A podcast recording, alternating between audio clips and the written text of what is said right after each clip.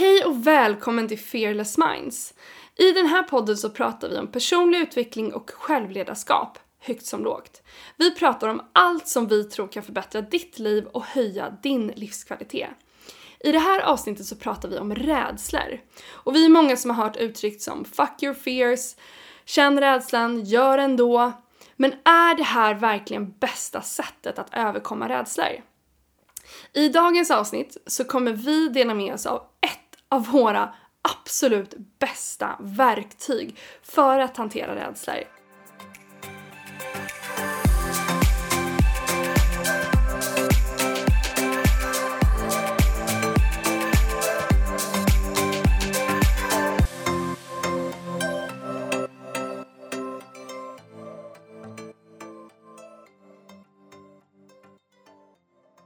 Sofie, idag så ska vi prata om det här med fuck your fears, om det är rätt approach eller inte.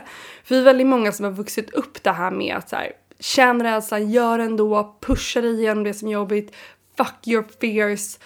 Och jag tror att vi alla håller med om att så här, vi ska inte låta våra rädslor hindra oss. För att som vi vet, det som står i vägen för det vi vill ha och där vi är idag, det är rädslor.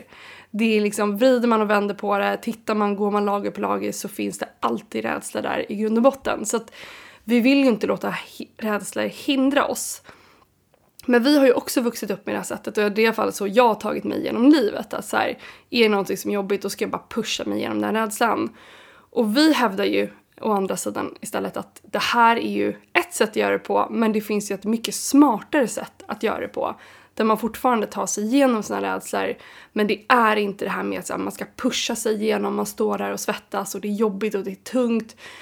Utan vi har, ju, vi har snarare hittat ett annat sätt att göra det här på som handlar, snarare, handlar om att jobba med sina rädslor istället. Så det är det vi ska snacka om idag och det här är ju kanske ett av våra favoritämnen. Vi mm. älskar ju att snacka rädslor. vi kanske är lite sjuka i huvudet där. Men vi älskar ju verkligen att prata om det just för att man, när man har förstått vid, alltså, vikten och hur kraftfullt det är att faktiskt jobba med sina rädslor, då blir man lite smått beroende för att man inser att det här är verkligen nyckeln till att ta sig framåt snabbare. Um, men jag tänkte bara så här, börja med Sofie, kan inte du berätta för någon som aldrig hört talas om det här begreppet, man kanske har varit på det här spåret med fuck your fears tidigare, det är så man har tagit saker och ting. Kan inte du förklara varför det inte är det smartaste sättet att hantera rädslor. Jo, men det är ju så att Alltså när man står inför, det är oftast en, det kan ju vara en utmaning, man ska göra något nytt, det kan vara jobbet. Eh, men vad som helst egentligen, det är någonting man ska göra. Eh, och någonting i en känner att man, man kanske får en klump i magen, man känner sig lite så här, usch, det liksom hettar till eller man blir lite låg. Alltså det, det är någon rädsla triggas i en. Man blir liksom rädd för att misslyckas, göra bort sig, vad ska andra tycka, tänk om jag inte klarar det. Alltså det kommer in liksom otillräcklighetskänslor och alltså rädslor i grund och botten som, som man liksom känner av rent emotionellt och känslomässigt i kroppen. Och jag har i alla fall, liksom du och väldigt många, så fort man har fått den där känslan, jag har i alla fall inte riktigt vetat vad jag ska göra med den, utan mitt svar eh, när jag har känt den känslan, det är ju bara att försöka trycka bort den och bara köra ändå. Har jag fått en ny utmaning när jag jobbade, liksom mitt gamla jobb till exempel, någonting kändes läskigt med det eller gud klarar av det här eller ont i magen. Då har jag bara försökt att trycka undan det och bara kör ändå. Alltså liksom bara genomföra det, försöka bara ta det an det, ignorera den, låtsas som den inte finns där och försöka liksom pressa mig igenom det. Mm. Och så här, ja, jag har tagit mig framåt, jag har gjort saker. Men ett, känslan har ju varit extremt obekväm och jobbig och motig. Och jag har liksom fått kämpa för att ta mig framåt i det här. Och det andra har gjort att eh, det som dessutom händer rent biologiskt är att du får en känsla, du får en rädsla i kroppen. Och din hjärna vet inte skillnaden på liksom, är det en tiger som hotar mig eller är det att jag är rädd för att misslyckas och göra bort mig för kunden eller chefen? Eller liksom, hjärnan vet inte så här, vad är det du är rädd för. Hjärnan upplever bara det är ett hot, det är en rädsla som finns i liksom, min kropp.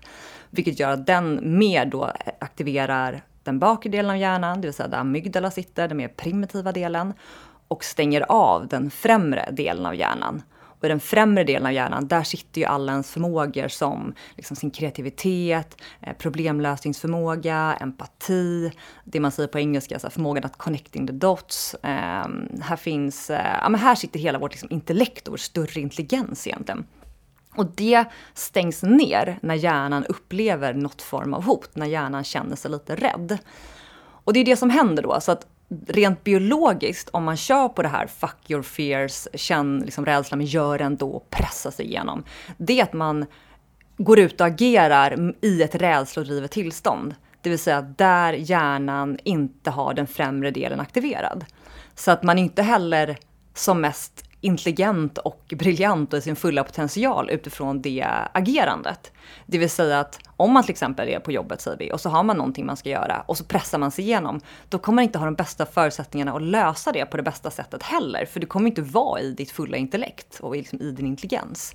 Så att rent biologiskt är det ju mycket smartare att så här, vänta nu, dra i handbromsen, våga så här, stanna upp och bara, men nu att först bli medveten om att så här, men nu är det ju en jobbig känsla i mig. Någonting, en rädsla finns här, vad det än må vara. Jag känner mig liksom stressad, orolig, eh, rädd för att misslyckas, inte kompetent, vad den än är. Det finns en obekväm känsla.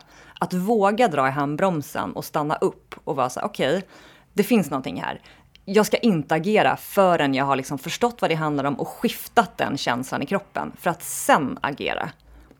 Så att man säkerställer att man inte agerar då utifrån det här primitiva, eh, det liksom känslo, säga, kroppstillståndet. Så att man liksom istället då ser till att man kopplar på den här främre delen av hjärnan, där intellektet och intelligensen sitter. För de är också mycket mer, eh, liksom, vad säger man, laddade, men då har man mycket bättre förutsättningar. Kapabel. Ja, kapabel för att ta sig an och lösa en utmaning eller göra något nytt eller vad man nu ska göra med liksom den utmaningen eller det nya eller liksom så. Ja, och det är just det här med att kroppen är verkligen inställd på överlevnad och det känns som att när man då står inför den här nya utmaningen att man står, vi brukar prata om att man står och försöker knyta skorna med bakbundna händer. Alltså man har inte med sig, liksom man är, man är kanske, jag vet inte ens en tredjedel så smart som man egentligen är, om inte liksom ännu mindre smart i de stunderna. Så att det här gör ju också att man inte vill ta sig an nya utmaningar för att man tycker att det är för jävla jobbigt att göra det. Och jag har ett ganska bra exempel på det här för att jag hade, alltså en av mina absolut största rädslor i livet förut var att prata inför folk. Och jag tyckte egentligen inte det liksom hela min uppväxt. Eh, men det var någon gång när jag jobbade i Paris som det bara helt plötsligt, jag hade någon obehaglig liksom upplevelse att prata inför folk. Och efter det så tyckte jag att det här var extremt jobbigt. Och jag hade inte tyckt det så mycket innan. Så att då var det att jag kände att okej, okay, det här, den här rädslan är, blev så stor och det är också, jag tror att det här, det här är vår främsta rädsla, liksom, om man kollar på gemene man, den här, den här rädslan kommer framför döden. Så att det betyder egentligen att så här, folk ligger hellre i kistan än att håller betal på begravningen. Så stor är den här rädslan. Och mitt sätt då att, att hantera det här, det var innan vi hade träffats, det var såklart att öva på det. Och det är det man måste göra, man måste ju liksom utsätta sig för det eh, som är jobbigt och det man vill utvecklas inom. Det är så här, det, it goes without saying, liksom, det måste man göra. Men då, då gjorde jag i alla fall det här på lite fuck your fears sättet. Och jag gick med i något som heter Toastmasters som är då en förening där man övar på att prata in folk och det är framför allt gjort för folk som tycker då att det är jobbigt att eh, prata in folk. Så att det som jag började med då var att jag började med att vara med i en grupp eh, där första gången egentligen så kom jag dit, jag var helt anonym, jag behövde inte säga någonting och jag satt i den här miljön och min kropp var helt inställd på fight or flight. Alltså det var så, det var totalt överlevnad. Alltså jag satt längst bak i rummet, jag behövde inte säga någonting, men jag satt och svettades av att bara befinna mig i den här miljön där folk då, där jag eventuellt då skulle prata inför folk. Så jag satt liksom längst bak i rummet och bara var så här, en jävla awkward person där bak. Och eh, sen nästa gång så jag bara okej, okay, jag ska upp, liksom, upp på hästen igen, upp och göra det igen. Och den här gången så bytte jag då ställe för att jag kände att jag var, hade varit för konstig på den här träffen så jag gick till ett annat toastmasters. Och den här gången så skulle man säga då sitt namn och en årstid som man gillar. Och det här var, alltså det var Mount Everest för mig. Att ens göra det, att ställa mig där uppe, få allas blickar på mig och känna mig liksom uttittad för några sekunder. Det var så extremt jobbigt. Men jag gjorde det i alla fall och jag sa liksom ah, jag heter Maria, jag gillar sommaren ungefär. Um, och sen så kom jag tillbaka igen och till slut så var det då dags för mig att hålla mitt första tal. Och här samma sak igen då. Jag, min approach var liksom att säga, okej okay, jag är jävligt rädd men jag måste pusha mig igenom mina rädslor. Och det var faktiskt så illa för mig att jag åkte in, eh, det här tror jag var gången innan jag skulle hålla det här talet, jag åkte alltså in för att eh, vara med på det här men jag mådde så illa och jag, så att jag var tvungen att sätta mig på ett café och sen åkte jag bara hem och liksom sa att jag hade blivit sjuk. Jag tyckte det var så extremt, extremt jobbigt. Eh, sen i alla fall då så hade jag preppat en hel dag. Eh, jag kunde inte jobba på hela dagen utan jag låg bara och så här, bara nu ska jag hålla det här talet. Kommer in dit och jag står, alltså det är så här, jag kan inte fokusera på någon annan, jag fokuserar bara på mig själv. Eh, jag, återigen, jag står och svettas, jag är rädd för att rodna, jag är rädd för att liksom rösten ska krackelera när jag står där uppe. Men jag håller talet eh, och jag gör det och det här med den approachen, så här, det gör ju att det blir snäppet mindre läskigt när man gör det. Um, men det blir inte roligt. Det blir ingen rolig upplevelse att liksom, ta sig an nya utmaningar på. Så att så här, efter det här, jag kom inte tillbaka för att hålla mer tal utan jag bara kände att så här, den här miljön stressar livet ur mig och det berodde kanske inte på miljön, det berodde, berodde snarare på mitt sätt, liksom mitt state eh, i, dem, i att göra det. Och sen så hade jag ju då turen att träffa dig. Och vi pratade ju väldigt mycket om det här. Vi snackade om biologin och vi snackade om att vi är så trötta på det här sättet att utvecklas på. Att man ska liksom, det är blod, svett och tårar och vi är i grund och botten väldigt så här, hungriga på livet, vi vill skapa de liv som vi drömmer om. Och det bara kändes som så här, ohållbart att så här, är det här sättet vi ska ta oss an nya utmaningar på? Genom att liksom kämpa oss igenom dem och det är liksom, det är tungt och det är jobbigt och det är smärtsamt och sen förhoppningsvis någon gång där framme så kommer det kännas lättsamt och roligt. Så att vi började snacka väldigt mycket om det här. Ehm, och sen då så, så började vi hantera det här med rädsla på ett annat sätt. Ehm, som gjorde då att första gången vi hade vår första workshop, och det var, det var ju då gången efter, jag hade inte pratat in folk på den här tiden emellan. Men det vi gjorde, ska jag berätta om vår process kanske? Mm, ja. Eh, och det sättet som vi då, det vi menar med att liksom, jag gör det här på ett fearless sätt, alltså less of fear, när man då jobbar med sin biologi, alltså man tar sig igenom sina rädslor och sina utmaningar, men man, man liksom ignorerar dem inte utan man tittar på dem och man bekräftar dem och man tar upp dem, man går igenom rädslor som ligger i ens liksom, undermedvetna, saker som man inte ens tänker hindrar en. Och bara för att säga, innan jag går in på själva processen så kan jag bara berätta då att det här var första gången när vi då hade vår workshop efter att vi hade gjort vår process som jag ska berätta om. Så var det första gången att det kändes roligt. Och jag kände att så här, jag njöt på resan. Och jag tyckte att det var helt plötsligt väldigt roligt att prata inför folk. Och det, det, är klart att det, var, det är klart att jag var rädd. Det fanns ju fortfarande rädslor. Det var inte så att de hade bara hokus pokus försvunnit. Men jag kände att jag kunde hantera dem. Det var inte så att jag kände att min kropp eventuellt skulle ta över och att jag inte kunde hantera mig själv. Utan det här var liksom, det här liksom skapade en positiv betingning på det sättet att jag kände att det här var roligt och jag vill göra det här ännu mer.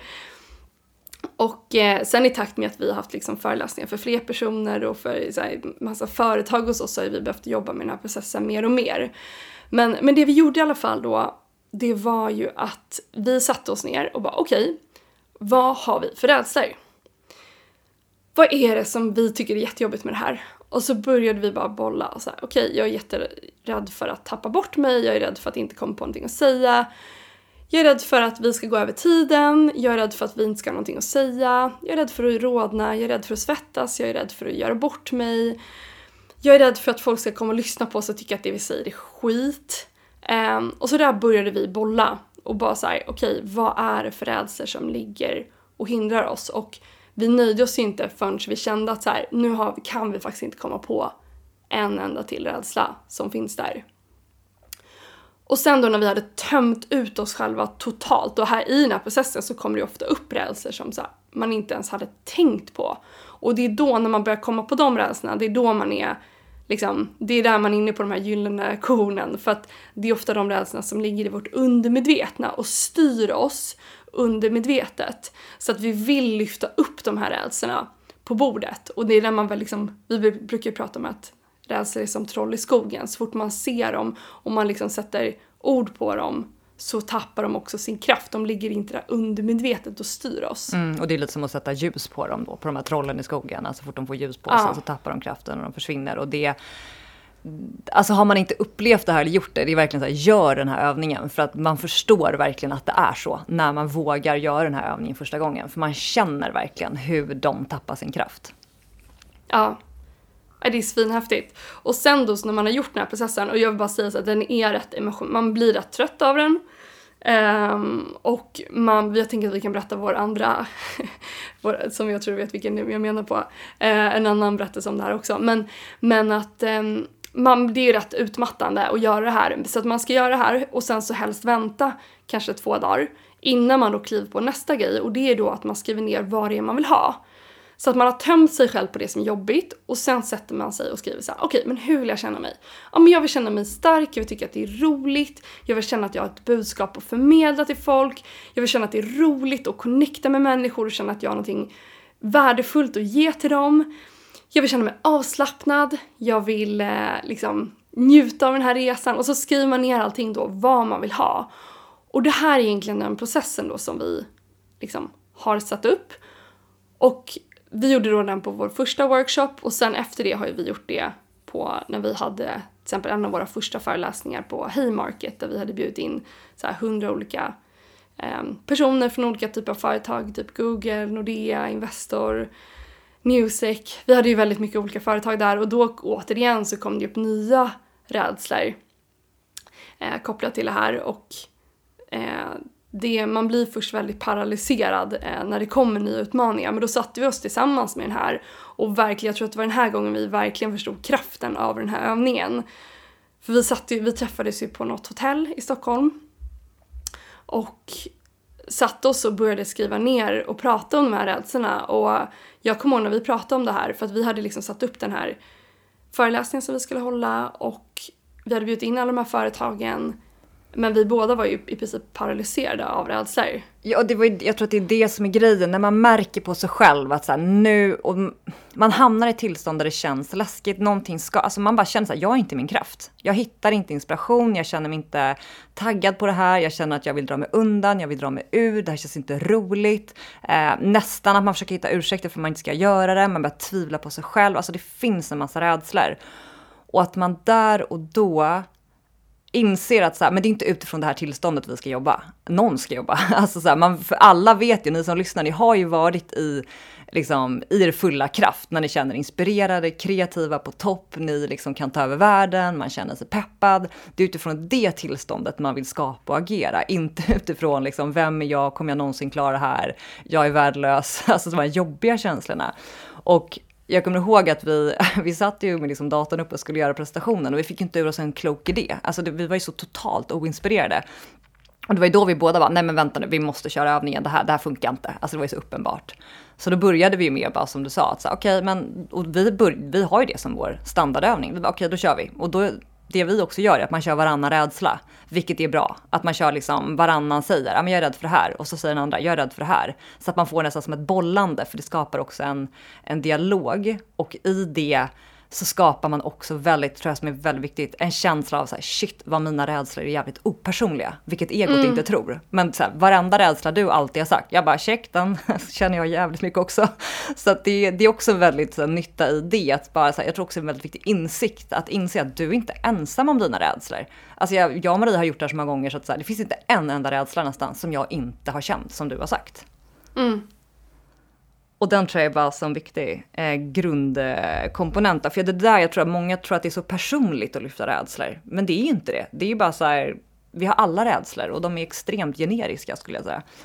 Ja, så det eller snarare så att man borde typ få en medalj om man hittar en rädsla som ingen annan har haft. För ja. Det är som du säger, så här, det går knappt att hitta.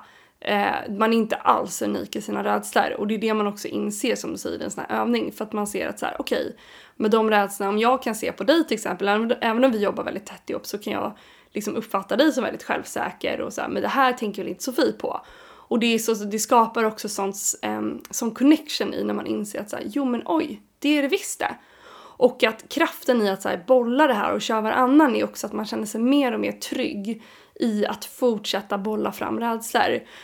Och det är, som, det är kraftfullt att göra det tillsammans. Eh, och att faktiskt våga göra det. Det är, det är så häftig upplevelse faktiskt att, att få göra det.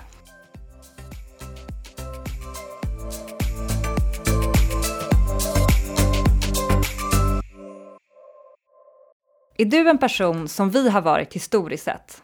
Det vill säga, vi har presterat på topp och utifrån har vi sett väldigt självsäkra ut.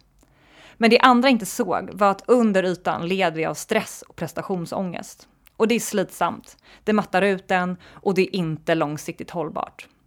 Att vara fearless, det handlar om att prestera på topp och samtidigt må bra. Och för att komma dit behöver du ett orubbligt självförtroende som byggs inifrån och ut. Därför har vi satt ihop den ultimata digitala grundkursen som hjälper dig med just detta. Kursen heter Från Fear till Fearless, 14 dagar till ett orubbligt självförtroende. Du får nycklar, verktyg och insikter så att du kan prestera på topp och samtidigt må bra. Det här är den optimala grundkursen i personlig utveckling. I den här kursen får du lära dig själva fundamentet, de viktigaste pusselbitarna för att påbörja din egna utveckling. Den här kursen är kursen som vi själva hade velat gå, men som inte fanns på marknaden. Och därför har vi skapat den åt dig. Och är du intresserad av att gå kursen, se då till att lyssna ända till slutet, för då delar vi med oss av en unik rabattkod.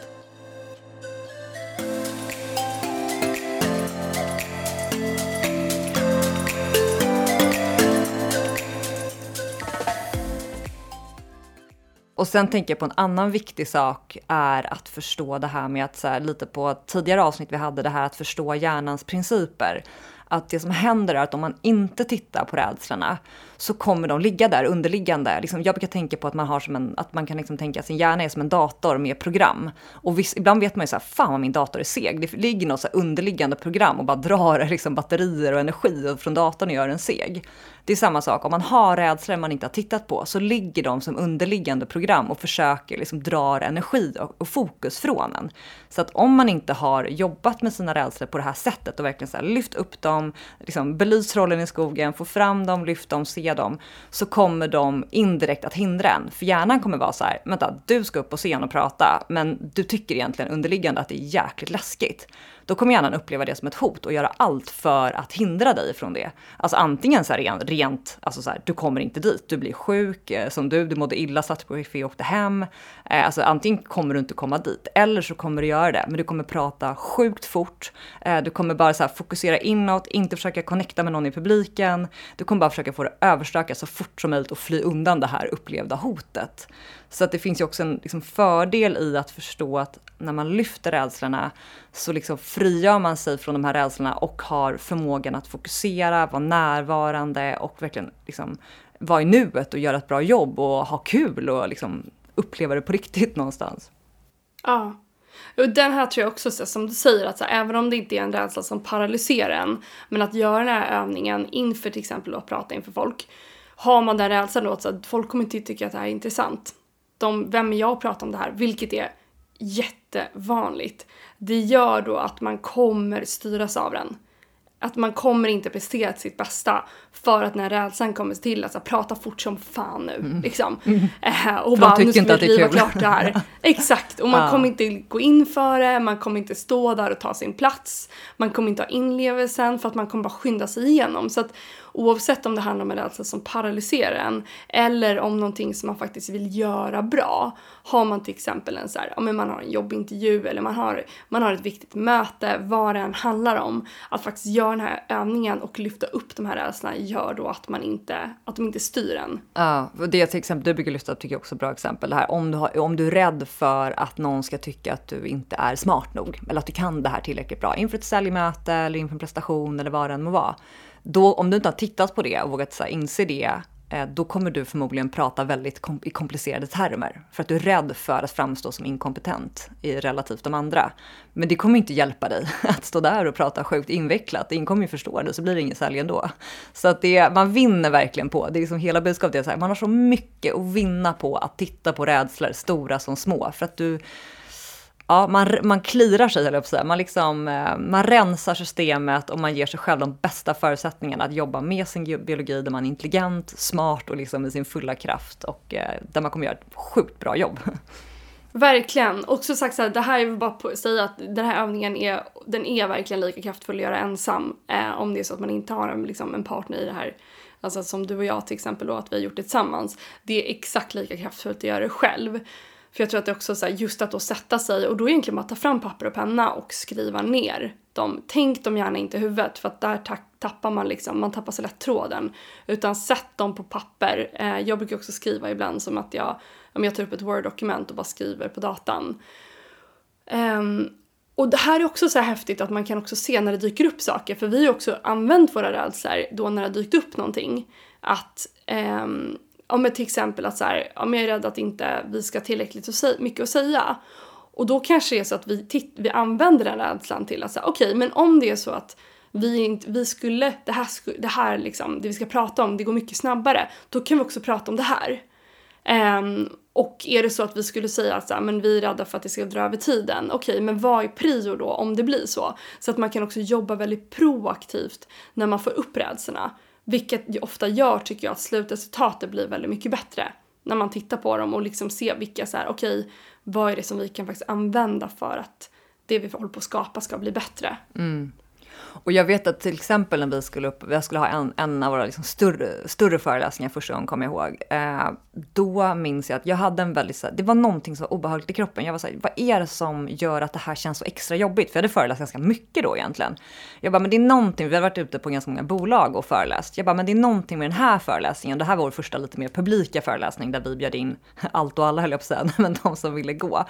Eh, och det jag, när vi började prata, bolla, vad är du rädd för, vad är jag rädd för? Det som jag kom fram till väldigt mycket den gången var att den största rädslan i mig var att jag var rädd för att mina liksom nära och kära, var ju typ tre pers som skulle komma som verkligen var så här, ja men så här, det var typ min bror och hans tjej och en liksom riktigt nära vän som hade valt att komma. Jag var rädd att de skulle tycka det var dåligt. Alltså jag var rädd att de skulle döma mig och bara, ah, det här var inte så jävla bra. Eh, det var min största rädsla och när jag så här, satte ord på den rädslan, tog fram den, liksom belöste den, det trollet i skogen då så att säga, då var det som att den här, i mitt fall då, jag kan få som en sån klump i magen-känsla. När jag satte ord på den med dig och bara så sa det högt och bara det är det jag är rädd för. Då släppte den knuten väldigt mycket. Och, men den hittade inte jag det första jag gjorde, utan vi började ju bolla massa rädslor först och sen kom jag ju liksom, det var nästan som man liksom skalar en lök, liksom. man, man skalar lager för lager och så bara, ah, där, det var den det var för mig specifikt som var extra jobbig. Och det är rätt spännande när man gör den här processen, man blir så här nyfiken på, så här, men vad är det här egentligen? Vad är det innerst inne som är jobbigt för mig i det här? Och för mig handlar det också mycket när jag jobbar, alltså i jobbet kan det vara mycket så här, jag är rädd att folk ska tycka jag är dålig, att jag inte ska duga, att jag inte är bra som jag är. Det är ofta liksom en sån grej jag kommer ner till. Bara, ah, det är det jag är rädd för. Okej, okay, det är inte att jag ska rodna eller svettas, och så här, det kan man göra, men så här, det, det eminerar i slutändan är så här, jag duger inte som jag är, jag är inte bra nog. Mm. Mm. Ja, verkligen. Och jag tycker det är så häftigt för att när man gör den här, och som sagt när vi gjorde den här, det var ju väldigt stor, det var en stor grej som vi skulle göra med den här föreläsningen. Och jag kommer ihåg att vi vi gjorde den här och sen på kvällen, för det är som att man triggar igång någonting i kroppen här och att det liksom kommer upp mer och mer tankar kopplat till det när man gör en snävning. Och jag kommer ihåg att den kvällen så drömde jag en så himla absurd dröm. Men som också verkligen spela, speglade det som jag var rädd för. För då drömde jag att vi stod och vi skulle hålla vår föreläsning. Och det här var väl kanske så en och en halv vecka innan föreläsningen faktiskt skulle hända. Och jag kommer ihåg att jag drömde att så här, jag stod inklämd bakom ett piano och kom liksom, kunde, inte kunde knappt höras. Och det var lite utspritt, så här, folk satt lite konstigt liksom utspritt i lokalen. Och du sprang runt i med en så här, dammsugare. Alltså som att du hade den här... Alltså. Den här ja, själva slangen gick du runt med och hade du på axlarna och så hade du armarna liksom över och du gick runt och var så superchill med den här dammsugaren. och jag kommer ihåg att jag, bara, jag hade sån panik, jag bara jag får inte fram det jag vill säga, Sofie är så himla chill, folk fattar inte vad vi säger här. Och det, alltså, vi garvade så mycket åt den här drömmen. den var ju, det var ju så absurd men det var ju också så jag bara, men det är precis det här jag går runt och känner att typ jag är inte kapabel att, du var ju på något sätt väldigt avslappnad där med din dammsugare. men, Sjukt chill här, jag ska bara städa lite också.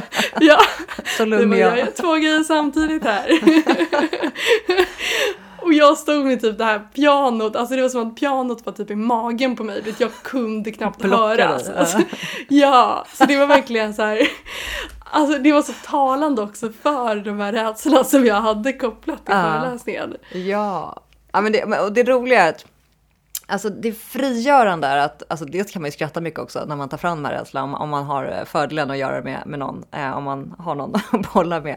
Men det är verkligen, alltså det, det största vinningen för mig, om jag jämför med när jag körde Fuck your fears mot eh, med det här vi då, liksom att våga titta på rädslorna, det är att, att det har blivit så jäkla kul, rent ut sagt, att utvecklas. Alltså jag är inte rädd längre för nya utmaningar, för jag vet, att det handlar inte om att jag inte blir rädd eller känner liksom obehagliga känslor och liksom så, alla dagar i veckan. Men jag är inte rädd för det längre, för att så fort jag får den känslan, då blir jag så här, ah, spännande, typ, nu är det något jag ska kolla på. Alltså jag blir nästan lite triggad istället, bara gud, det här är någonting som jag inte har tittat på. Vad är det här som begränsar mig? Eller vad är det här jag liksom är rädd för? Vilket gör att det, det håller den inte tillbaka, det hindrar den inte. För jag menar, andra gånger, jag kan ju bara tänka alltså vad som helst egentligen. Alltså om någon Issa, ska vi göra det här? Ska vi ta oss an den här utmaningen? Eller vill du prova något nytt? Eller testa det här? Alltså vad den är. Innan har jag fått obehagliga känslor i kroppen och så har jag tagit, så här, misstagit det för någon form av intuition. Bara, nej, men jag känner inte för det riktigt. Jag ska nog inte göra det. Man bara, nej, alltså det är kanske en skitbra idé. Bara att nu håller jag mig tillbaka för jag är så rädd för att vad det nu än är, X och Z, misslyckas, göra bort mig, inte klara av det, vad den är. Men att så här, livet har blivit så mycket roligare för jag vågar ta mig an utmaningar och inte bara vågar göra det. Jag gör det och det är kul. Det är mycket, mycket roligare, genuint att växa och göra saker för att det är inte med den här obehagliga känslan längre. För det tar man tag i innan. Ja, och jag tror att det är precis det här du sa, att så här, vinningen av allt det här, att titta på rädslorna som är, i stunden är jobbigt att göra. Vinningen är frihet. Det är det som står på andra sidan. Att man släpper sig själv fri från sånt som har, som har hindrat en förut. Och det är det som är så häftigt för när man då väl får känna på det kan jag verkligen uppmuntra dig, dig som lyssnar på det här, att gör den här övningen. Det här kommer vara dagens övning. Eh, men att då på, på andra sidan, när man får upptäcka då att så här, det finns en större frihet där, då blir det, man blir rätt beroende av att, att göra det här då. Och eh, det är lite motigt, jag tycker alltid det är motigt. Du är ofta väldigt duktig på att föreslå att så här, men ska vi kolla på rädslor? Jag tror alltid att det är du som föreslår det, eh, faktiskt. Men du är väldigt bra på det och eh, så här, men nu gör vi det här innan vi går in och börjar skapa och göra grejer så ska vi faktiskt ha tio minuter här och bara prata om det. Och det, det ger alltid utdelning. Ja. Alltid, alltid, alltid. För att som du säger så här, ist, stunden innan man gör det här, känner man att man inte kommer på bra idéer, ja, men det är bara för att kroppen är i fight or flight. Alltså kroppen stänger ner, man har inte tillgång till främre delen av hjärnan. Och genom att göra den här övningen så kommer man se till att det som ligger bakom inte hindrar en. Eh, och som sagt, så man behöver ge sig själv lite tid så att gärna göra det typ två dagar innan och sen då innan man sätter sig och gör det här med vad, när man definierar då vad man vill ha. Eh, att det har fått tagit två dagar för att på den här vägen så liksom det marineras lite, det kommer drömmar, det kommer tankar och sen är det som att det hunnit lägga sig lite och då kan man faktiskt fokusera på det man vill ha. Och jag tänker också på, vi har jobbat väldigt mycket med Christer Olsson som har jobbat med personlig utveckling och ledarskap i 30 år. Vi har ju bland annat gjort den första avsnitten podden tillsammans med honom. Vi har haft föreläsningar tillsammans med honom, kurser. Och han var ju egentligen, eh, jag tror att han var den som liksom myntade det här fuck your fears begreppet. Han var i alla fall en av de som spred det väldigt mycket. Och eh, vi har ju ett avsnitt faktiskt i början eh, där han pratar om det här. Jag tror att det är avsnitt två om jag inte minns fel. Men då säger han det att så här, det var ju det, det var det enda jag visste. Det var så här fuck your fear, så att det var det han var ute och spred. Och sen då när vi pratade om det här och när vi berättade våran take på det och just det här med vad som händer rent biologiskt så har ju han insett att så här, oj, det jag har gått runt och pratat om i så många år, det finns ett bättre sätt att göra det på. Och jag tror bara att, den, eh, att det är häftigt att liksom få den inputen. Också att han har sagt att det har skapat väldigt stor skillnad för honom i hans liv. Hur han tar sig an utmaningar. Och att eh, någon då som ändå har så pass mycket erfarenhet och jobbat med det här i så många år. Att det är rätt häftigt att få den eh, ja, inputen mm, från honom. Verkligen. Och det jag tänker på spontant när du pratar nu också, det är att det jag har märkt väldigt mycket det, det är också mycket, tycker jag, en generationsfråga, det här med att våga titta på rädslor. Alltså, jag, och jag upplever att jag har blivit liksom präglad av äldre personer i min närhet under min uppväxt. Att så här, nej men, oh, så här, rädslor, det ska man inte titta på. Man ska inte prata om obehagliga saker. Och alltså, så här, verkligen att det så här, liksom du vet, eh, alltså det finns en sån, eh, att det har funnits en sån, eh, vad ska man säga, uppfattning eller liksom rä rädsla för att prata om rädslor helt enkelt. Ja. Och det är så jävla fel någonstans för att det är, så här, det, är det, det är det som fäller krokben från oss. Från att, så här, från att komma nära i relationer, från att så här, liksom skapa det liv man vill, starta eget, söka ett nytt jobb, byta stad, byta umgänge, eh, våga vara den du är, göra vad du vill, starta, börja med en ny sport, sluta med något. Alltså vad den är så är det ju rädslor som hindrar oss och genom att våg, inte vara rädd för, men våga titta på dem så släpper de sin kraft och då, som sagt, då finns ju friheten på andra sidan. Då finns de där, även också närrelationerna liksom på andra sidan. Att våga vara mer uppriktig och ärlig och komma nära. Det är också en stor del av att titta på rädsla liksom. Men att det finns en sån eh, nedärvd rädsla för att prata för rädslor. Och den vill jag verkligen så här, slå hål på, den myten. Att så här, men det är inte farligt att titta på rädslor. Eh, sen ska man inte älta och så här, grotta ner sig och liksom vältra sig i de där känslorna. Men att så här, ganska effektivt men väldigt uppriktigt och ärligt och sårbart våga titta på vad, vad det är som skaver. Vad finns det här som jag tror att jag är rädd för? Titta på det för att det häftiga är att då släpper kraften. Och jag tror att det är där som är mindfucken, att jag har nog förut trott att så här, nej, nej, om jag vågar öppna det där locket, då är det kört. Så här, då kommer jag bara gå runt och må ännu sämre. Medan det var exakt tvärtom. Alltså, du frigör, du släpper dem när du tittar på dem. Och det är så största insikten för min egen del. Att så här, nej, jag ska inte vara rädd för rädslor, för det har varit hela livet. Det är ju tvärtom, jag ska våga titta på dem, för det är då de släpper kraften.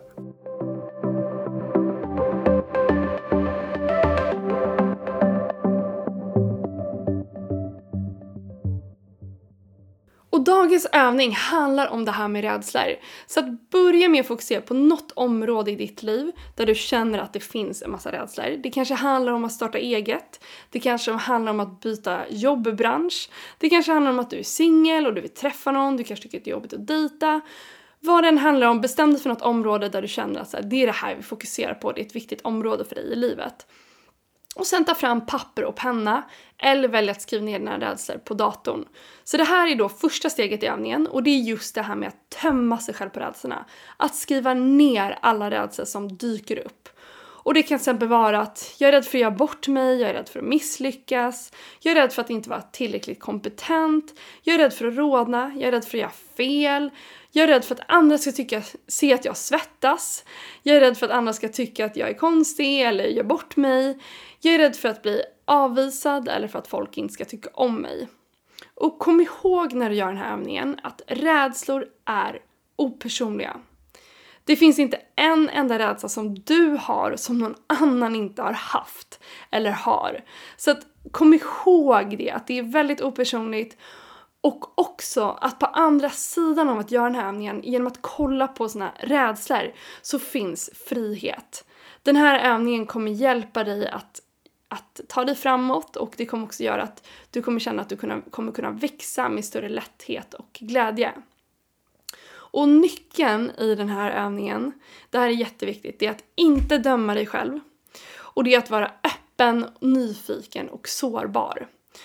Och vår erfarenhet är att under den här processen så kommer det att dyka upp tankar som man väldigt snabbt försöker avfärda eller rädslor som man bara inte vill skriva ner. Och det är precis de rädslorna som du ska skriva ner.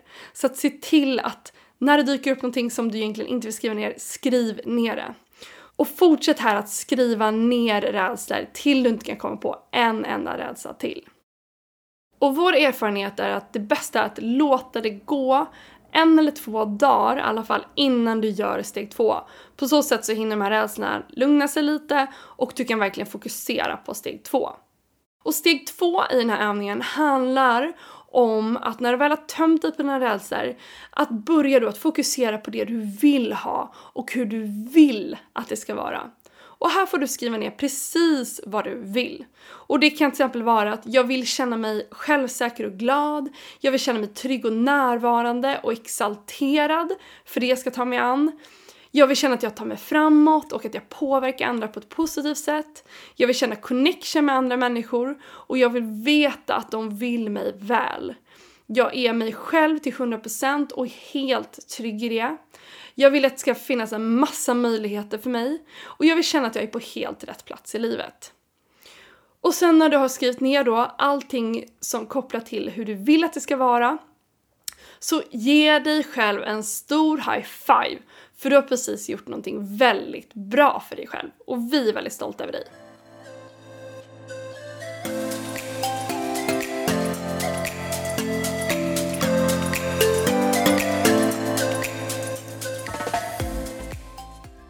Och vill du ta del av vår digitala kurs som vi har fått jättemycket fin feedback på, som heter Från fear till fearless 14 dagar till ett orubbligt självförtroende, så gå in på fearlessminds.se kurser och använd koden fearless20 så får du 20% rabatt.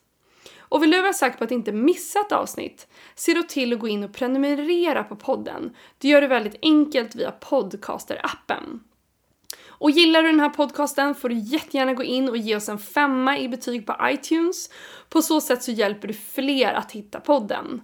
Och du får också jättegärna gå in och ge oss en recension där och glöm inte att du måste söka fram podden för att kunna ge en recension.